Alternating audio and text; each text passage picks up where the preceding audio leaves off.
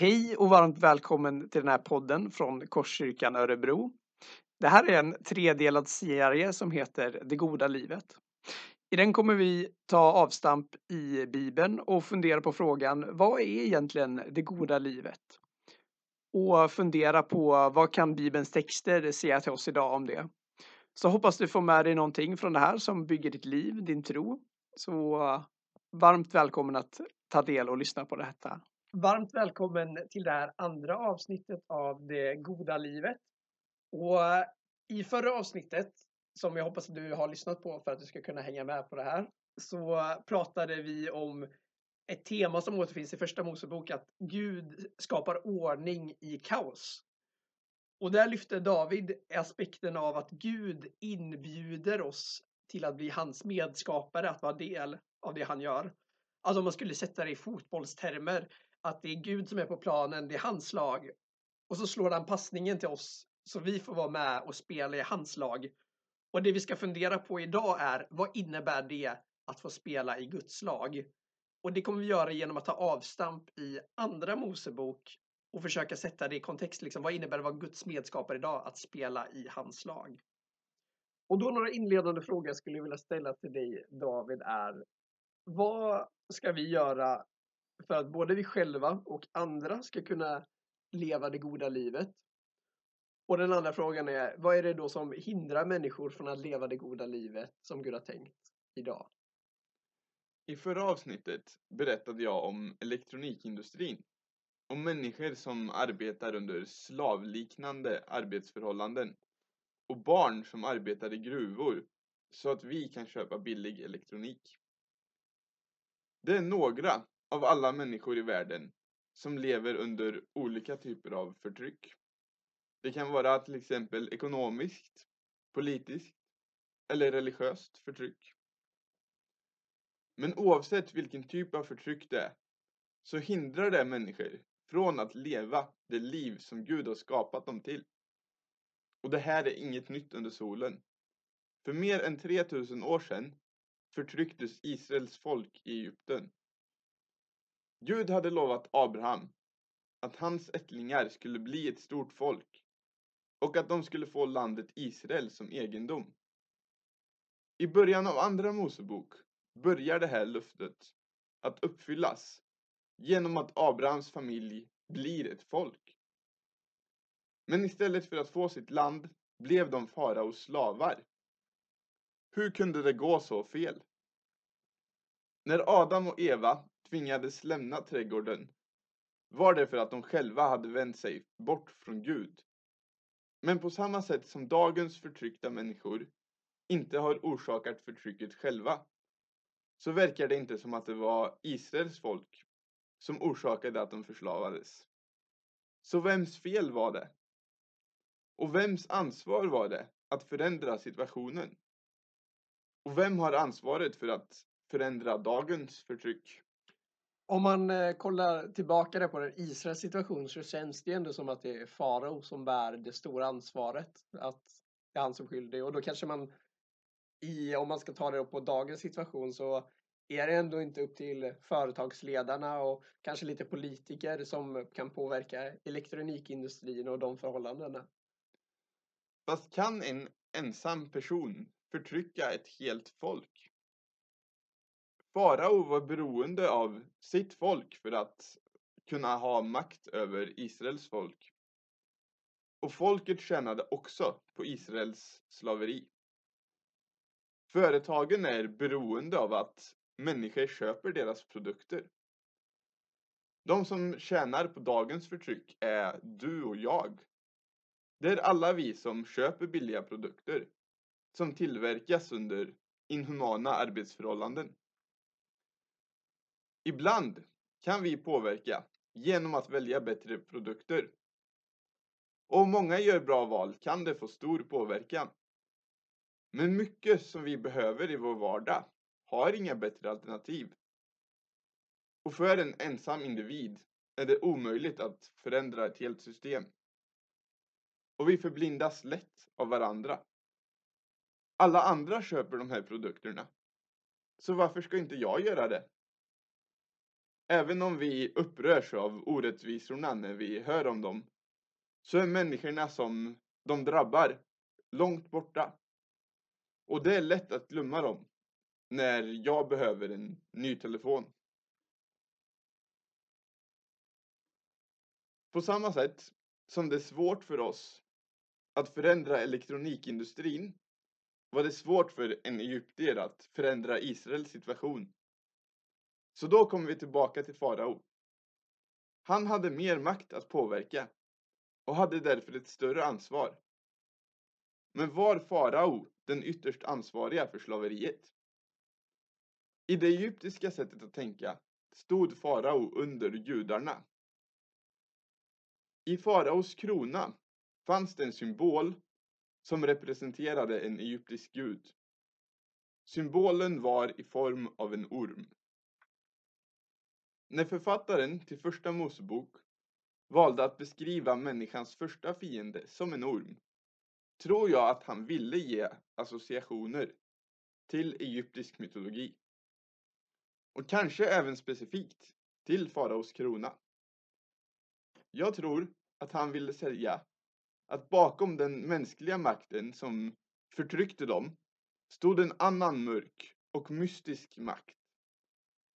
En makt som var verksam redan i mänsklighetens urhistoria. Och den makten dyrkade egyptierna som gudar. Men på samma sätt som ormen inte hade någon egen makt att påverka skapelsen, utan var beroende av människans olydnad, var ormen beroende av farao och folket i Egypten för att kunna förtrycka människor. Faraos makt var beroende av att hans folk var starkare än israeliterna. Därför blev han rädd när Israels folk växte. Och för att skydda sin makt befallde han att alla nyfödda hebreiska pojkar skulle kastas i Nilen. En av de israelitiska kvinnorna försökte rädda sin son genom att sätta ut honom i en korg i Nilen. En desperat handling av en kvinna som hoppades att han på något mirakulöst sätt skulle räddas. Och det osannolika hände. Korgen hittades av någon som tog hand om honom. Och det var inte vem som helst. Det var faraos dotter som adopterade honom och gav honom namnet Mose. När Mose hade blivit vuxen gick han ut till sitt folk och när han såg hur de plågades slog han ihjäl en egyptisk man. Gud hade satt Mose i en position där han kanske kunde ha fått stora möjligheter att hjälpa sitt folk. Men Mose förstörde det och tvingades fly till ett annat land. Det såg ut som om Mose hade förstört alla möjligheter att hjälpa sitt folk. Men då mötte Gud honom och sa att han skulle föra Israel ut ur Egypten. Trots att Mose hade dödat en man och levde i exil fick han uppdraget att föra folket ut ur Egypten. Men Mose svarade, Vem är jag? Att jag skulle gå till farao och föra Israels barn ut ur Egypten. Gud svarade, jag ska vara med dig. Och till slut gick Mose med på att återvända till Egypten. Du kanske har upplevt Guds kallelse till ett visst jobb eller en uppgift i församlingen. Men sagt nej till det. För att du inte tror att du har det som krävs. Eller för att du har gjort ett misstag som du tror diskvalificerar dig för uppdraget. Men berättelsen om Mose visar att oavsett hur våra liv ser ut och vilka misstag vi har gjort kan Gud använda oss om vi säger ja till hans kallelse. När Mose kom till farao vägrade farao att släppa folket. Så för att få farao att släppa folket sände Gud plågor över Egypten. Trots plågorna förblev faraos hjärta hårt och han vägrade att släppa folket. Efter sjätte plågan står det något märkligt. Då står det att Gud gjorde faraos hjärta hårt. Men efter tionde plågan går farao med på att släppa folket. Men här har jag en liten fråga. Vad är det liksom som händer här i texten? Var, varför skulle Gud göra faraos hjärta hårt om man vill få sitt folk att gå? Och, och vad betyder det och, och varför gör Gud så? Det är bra frågor. Det kan ha varit så att Gud påminde farao om kostnaden för att låta folket gå. Och här får vi inget svar på varför Gud gör det. Men att Gud förhärdar farao återkommer när folket är på väg från Egypten. På vägen från Egypten sa Gud Säg till Israels barn att de vänder och slår läger vid havet. Farao kommer att säga att folket har gått vilse i landet, instängd av öknen. Och jag ska göra faraos hjärta hårt, så att han förföljer dem. Jag ska förhärliga mig på farao och hela hans här, så att egyptierna förstår att jag är Herren. Och de gjorde så. Det verkar som att målet med uttåget inte bara är att rädda Israel. Det är även att egyptierna ska vända om från sina avgudar, från ormen, till Gud och bli räddade. När egyptierna närmade sig sträckte Mose ut handen över havet och Gud drev undan havet genom en stark östanvind. Folket gick genom havet och faraos vagnar och ryttare följde efter. Då vände vattnet tillbaka och hela faraos här utplånades. De första läsarna av Andra Mosebok förstod förmodligen vandringen genom havet i ljuset av två händelser i Första Mosebok. I berättelsen om syndafloden använde Gud havet för att utplåna ondskan. Och i Andra Mosebok använde Gud havet för att besegra den onda makt som hade förslavat Israel. I skapelseberättelsen skapade Gud ur havet och genom uttåget genom havet skapar Gud återigen något nytt. Uttågsberättelsen handlar om Guds seger över ondskan. Om en ny start, en ny skapelse. Men det är inte bara vatten som de här tre händelserna har gemensamt. I skapelsen svävade en Guds vind över vattnet. När Gud tänkte på Noa i arken lät han en vind gå fram över jorden så att vattnet sjönk undan. Och i uttåget drev Gud undan havet genom en vind. Vinden verkar ha en viktig roll i Guds verk. Och i nästa avsnitt kommer vi se hur vinden fortsätter ha en viktig roll, även i Nya Testamentet. I kapitel 19 berättas om hur folket kom till Sinai. Och där talade Gud till Mose. Så ska du säga till Jakobs hus. Så ska du förkunna för Israels barn. Ni har själva sett vad jag har gjort med egyptierna. Hur jag har burit er på örnvingar och fört er till mig. Om ni nu hör min röst och håller mitt förbund ska ni av alla folk vara min dyrbara egendom, för hela jorden är min. Ni ska vara ett rike av präster och ett heligt folk. Det första Gud sa var inte håll mitt förbund eller följ mina bud. Det första Gud sa var att han har räddat dem från Egypten och fört dem till honom. Gud har befriat dem från slaveriet och gett dem en relation med honom. Folket behövde inte hålla lagen för att förtjäna räddningen. Gud befriade folket innan de hade gjort några goda gärningar. För att han älskade dem. Men i första Mosebok fick människan förmågan att göra det som är ont. Och som första Mosebok visar gällde det även Abrahams släkt. Även om folket var fria från Egyptens förtryck riskerade de att hamna i en lika allvarlig situation genom att de mäktiga i Israel förtryckte de svaga. Därför behövde de hålla förbundet. Inte för att komma in i relationen med Gud, utan för att bli kvar i relationen. När Mose talade om för folket vad Gud hade sagt svarade de Allt som Herren har sagt vill vi göra. Folkets respons på att ha blivit befriade är att vilja göra Guds vilja. Och vi får aldrig vända på det här och sätta våra gärningar före Guds kärlek.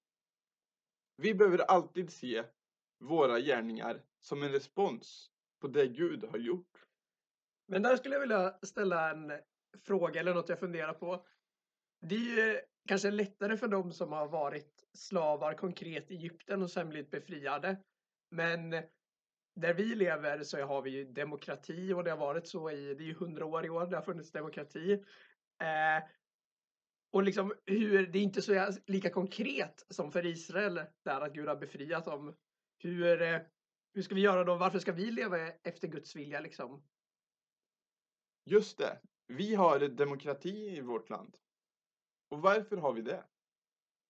Det är många människor i vår värld som inte lever i demokratier. Det är ingen självklarhet. Och det var inte bara för generationen som hade varit slavar i Egypten som skulle göra Guds vilja. Det skulle även gälla för kommande generationer. Så det handlade inte om vad Gud hade gjort i en enskild individs liv, utan om vad han hade gjort i folkets historia. Vi har demokrati, delvis tack vare arbetarrörelsen, men framförallt tack vare två rörelser som var tidigare än arbetarrörelsen. Nykterhetsrörelsen och frikyrkorörelsen. 1848 grundade Sveriges första baptistförsamling. Och från starten hade alla medlemmar, både män och kvinnor, lika rösträtt. Mer än 70 år före kvinnor fick rösträtt i allmänna val. Och det är inte bara i Sverige som eh, kyrkor har varit viktiga för demokratin. Den amerikanska forskaren Robert Woodbury har visat att det finns ett tydligt samband mellan protestantiska kyrkor och demokratins framväxt. Det beror bland annat på att protestanter har lärt människor att läsa. För protestanter vill att människor ska kunna läsa Bibeln själva. Och det har varit en viktig faktor för demokratins framväxt. Därför tror jag att dagens demokratier till stor del är en frukt av vad Gud har gjort genom sin kyrka. Därför vill jag säga med Israels folk, allt som Herren har sagt vill jag göra. Och självklart är det också en respons på andra saker som Gud har gjort och gör. Inte minst vad Gud har gjort i mitt eget liv.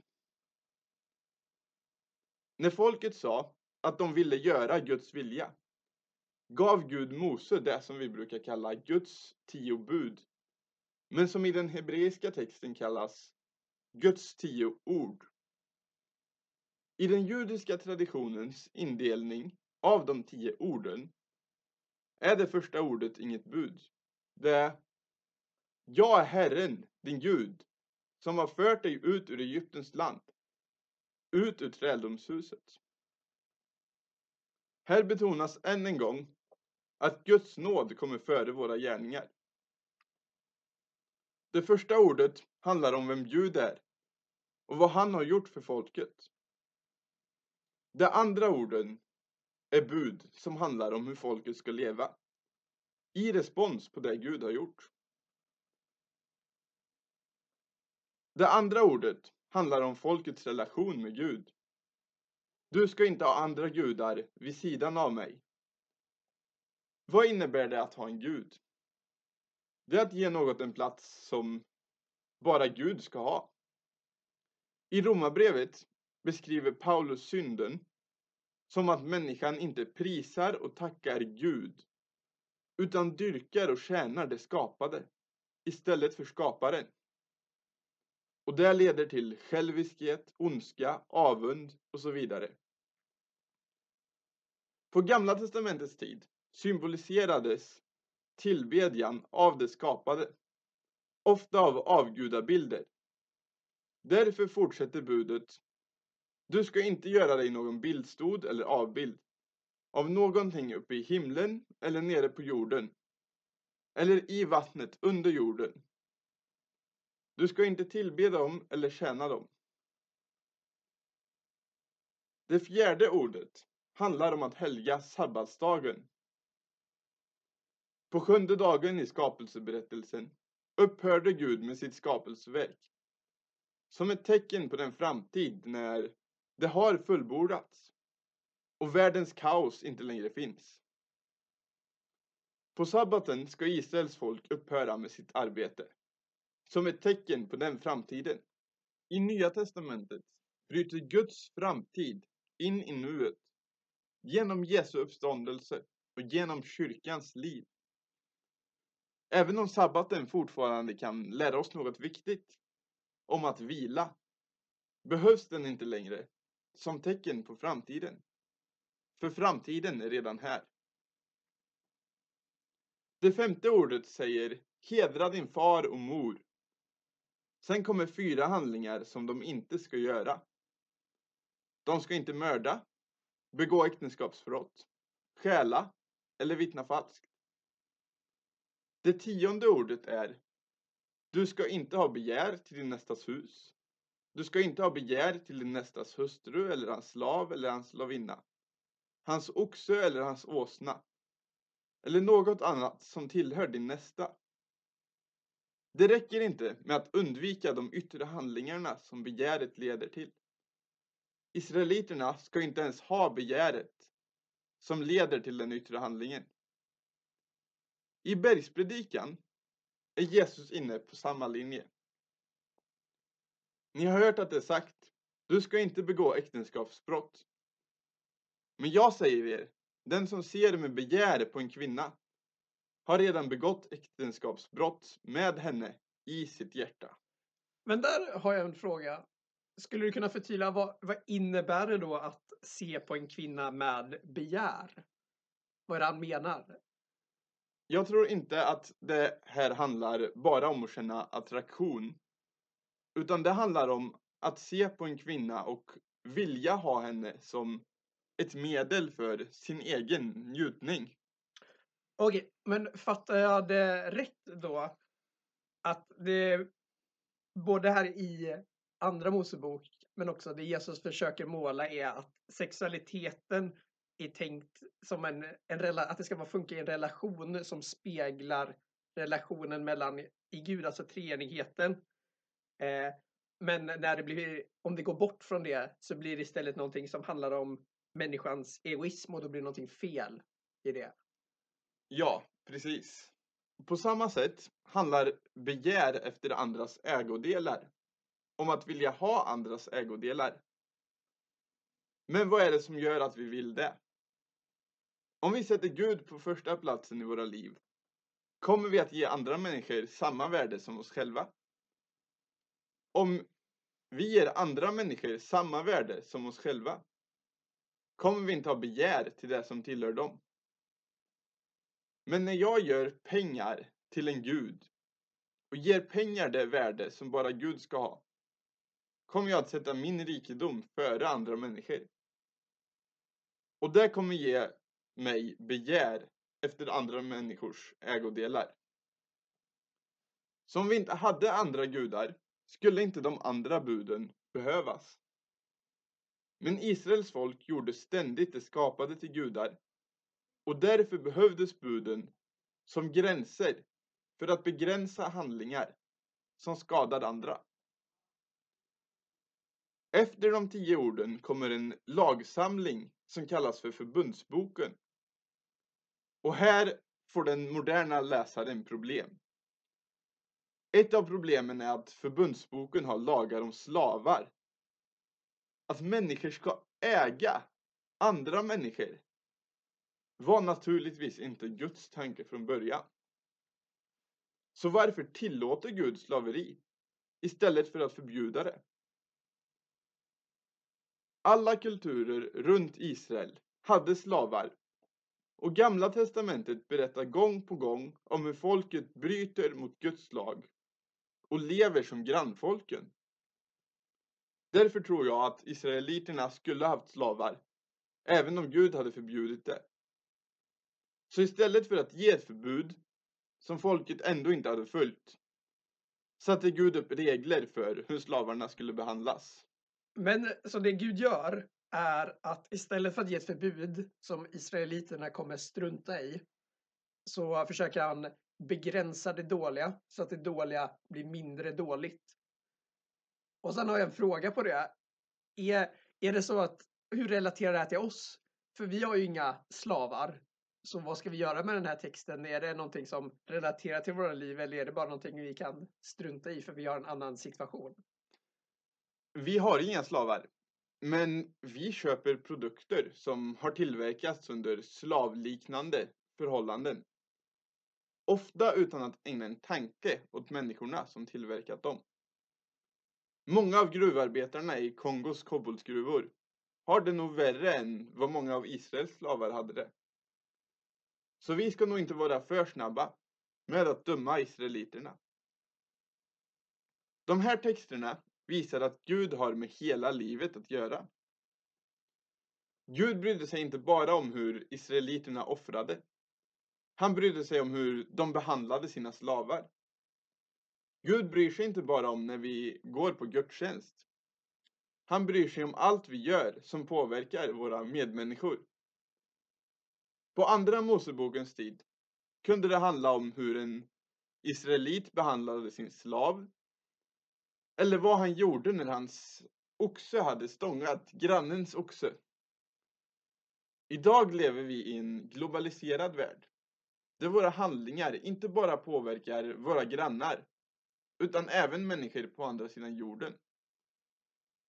Så för oss kan det handla om vad jag köper eller om jag väljer att åka bil eller tåg. Gud bryr sig inte bara om hur ofta jag ber. Han bryr sig om vilka bananer jag köper. För Gud älskar människorna som har odlat mina bananer. Köper jag vanliga bananer för att det är billigare? Eller köper jag Fairtrade för att det är bättre för människan som odlat dem? Tar jag bilen för att det inte finns något annat alternativ? Eller bara för att det är bekvämare eller billigare? Köper jag en ny telefon för att jag faktiskt behöver det. Eller bara för att jag vill ha en nyare modell. Men eh, hur ska jag göra då om jag faktiskt behöver köpa en ny telefon om min telefon går sönder liksom, och jag måste hitta, ha en ny? Måste jag bidra till det här det barnarbetet i gruvorna som är och det här underbetalda arbetet i Kina eller finns det något annat alternativ att göra det?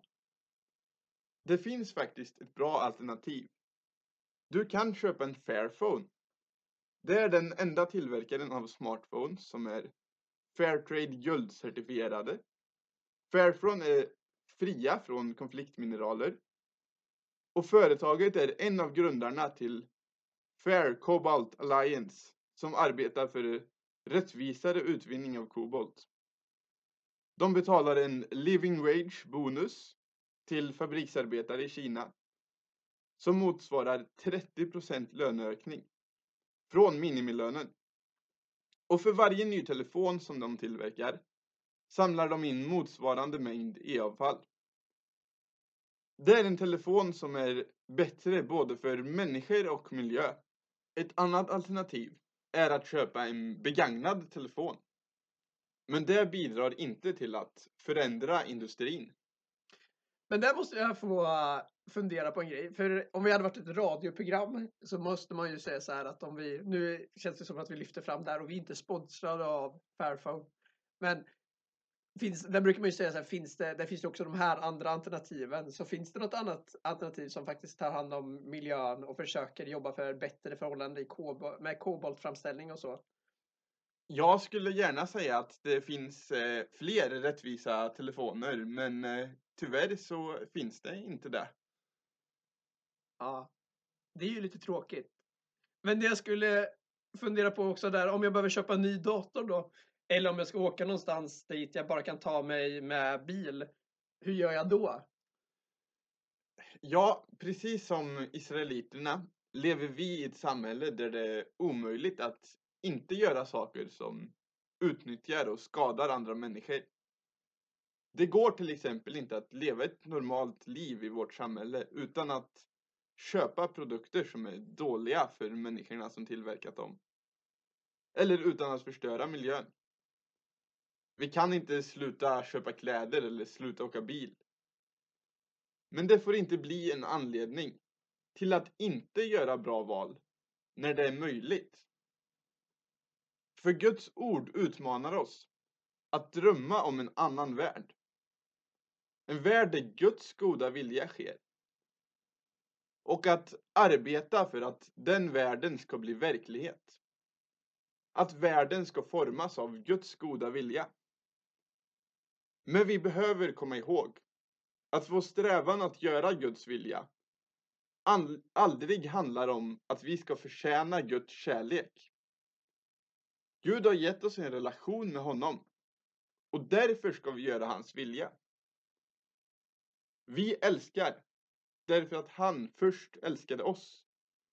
Som Johannes skrev i sitt första brev. Guds kärlek kommer alltid före vår kärlek. Och det är kärleken som är kärnan i lagen. Femte Mosebok säger Hör Israel, Herren är vår Gud. Herren är en.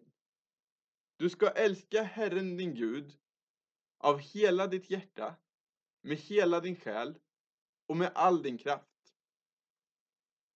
När vi läser älska Gud av hela ditt hjärta tänker vi lätt att det handlar om känslor. Men i Bibeln står hjärtat inte bara för människans känslor utan även för tankar och vilja. Att älska Gud med hela sitt hjärta handlar inte främst om vilka känslor vi har för Gud utan om att vi ska välja att älska Gud oavsett vad vi har för känslor. När Jesus fick frågan om vilket som är det största budet i lagen citerade han det här budet och sa Detta är det största budet. Och då är frågan besvarad. Jesus har sagt vilket som är det största budet. Men han verkar inte tycka att det räcker med ett bud. Så han fortsatte och la till Sedan kommer ett av samma slag. Du ska älska din nästa som dig själv. Om vi älskar Gud så älskar vi vår nästa som Gud har skapat och älskar. I första Johannesbrevet 4 så står det Om någon säger Jag älskar Gud men hatar sin broder då ljuger han. Ty den som inte älskar sin broder som han har sett kan inte älska Gud som han inte har sett. Och detta är det bud som han har gett oss, att den som älskar Gud också ska älska sin broder. Två frågor som vi återkommande bör ställa oss är därför Vad innebär det att älska Gud? Vad innebär det att älska min nästa? Vad innebär det att älska Gud när jag väljer vad jag ska lägga min tid på? Vad innebär det när jag ber? Vilken plats ska mina egna behov och önskningar ha? Och vilken plats ska Gud, Guds ära och Guds rike ha i mina böner? Vad innebär det att älska Gud när jag läser min bibel? Innebär det att jag ska läsa av plikt för att bocka av att jag har läst? Eller att jag ska läsa för att jag vill höra Gud tala? och för att jag vill uttrycka min tillbedjan och min kärlek till Gud genom att läsa hans ord. Vad innebär det att älska sin kollega som återigen kommer med en elak kommentar? Svarar jag på samma sätt eller möter jag personen med kärlek? Vad säger jag om honom när han inte är där? Vad innebär det att älska människorna som tillverkat min telefon som mig själv? Innebär det att köpa den telefon som är bäst eller billigast? Eller den som är bäst för människorna som har tillverkat den? Många människor i vårt samhälle får sina liv och familjer förstörda av alkohol. Så vad innebär det att älska sin nästa på firmafesten där alla förväntas dricka alkohol? Innebär det att tänka att jag har inget problem med att dricka ett glas vin, så jag kan göra det? Eller innebär det att tänka jag vill inte bidra till ett grupptryck som får någon som inte klarar av att dricka ett glas att göra det. Och därför avstår jag för mina medmänniskors skull. Vad innebär det att älska människor som drabbas av klimatförändringarna när jag väljer hur och vart jag ska resa? Ja, några av de här frågorna är ju ganska lätta, eller nästan finns ju självklara svar på. Och några andra är ju kanske lite svårare. Men eh, räcker det, det att jag har rätt svar för att jag ska älska Gud och min nästa? Det Gud har gjort, det motiverar mig till att göra Guds vilja. Och vi behöver alltid komma ihåg att vi inte gör det här för att Gud ska älska oss. Utan att vi älskar Gud därför att han först älskade oss. Och Guds ord ger mig kunskap om vad Guds vilja är. Så jag får alltså både motivation och kunskap. Men räcker det? Räcker det att jag har anat lite av Guds kärlek? Bestämt mig för att göra hans vilja? Och lärt mig att jag ska älska min jobbiga kollega? För att jag ska möta personen med kärlek? Räcker det med att vi har kunskap om klimatförändringarna? För att vi ska ändra vår livsstil? Räcker Guds undervisning för att göra oss till kärleksfulla människor? Ibland kan det räcka med kunskap, men ofta gör det inte det. I Romarbrevet 7 skrev Paulus om lagen och i vers 15 sa han Jag förstår inte mitt sätt att handla. Det jag vill, det gör jag inte. Men det jag avskyr, det gör jag. Och det här tror jag att vi alla kan känna igen oss i. Trots att jag vill göra det goda och vet vad som är gott, gör jag inte alltid det som är gott. Paulus beskriver det som att vi är slavar under synden. På samma sätt som israeliterna var slavar under farao är människan slav under synden. Därför behövs det ett nytt och annorlunda uttåg. En befrielse från syndens slaveri. För att vi ska kunna bli de som vi är skapade till att vara. Och det kommer nästa avsnitt att handla om. Tack för det David. Superspännande och ändå utmanande undervisning på det här området. Vi skulle bara vilja skicka med några frågor som en hjälp för dig själv att fundera på det här avsnittet. Kanske själv eller tillsammans med en vän på kyrkfikat eller i din hemgrupp. Och den första frågan där är att mig i positiv riktning fundera på på vilka områden jag redan älskar Gud. Och sen ställa följdfrågan på vilka områden behöver jag utmanas i att älska Gud?